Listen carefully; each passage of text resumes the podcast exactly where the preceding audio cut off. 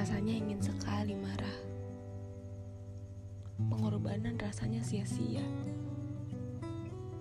Beberapa hati sudah sedia patah, namun beberapa kepala tak berpikir layaknya manusia. Rindu kita semua sudah ranum. Saya paham betul. Namun sampai kapan ego kita mendominasi? Sampai kapan kita di ruang yang terbatasi? Gaji rasanya tak tercukupi karena sebuah pandemi.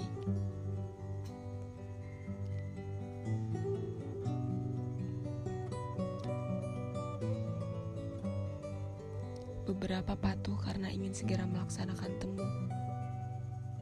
Lalu beberapa riuh memaksa temu yang terburu-buru.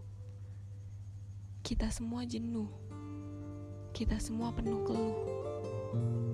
Kalau manusianya egonya penuh, rasanya kita hanya tunggu terjatuh. Kalau seperti ini, bagaimana caranya cepat sembuh? Kita butuh sembuh agar segera tumbuh.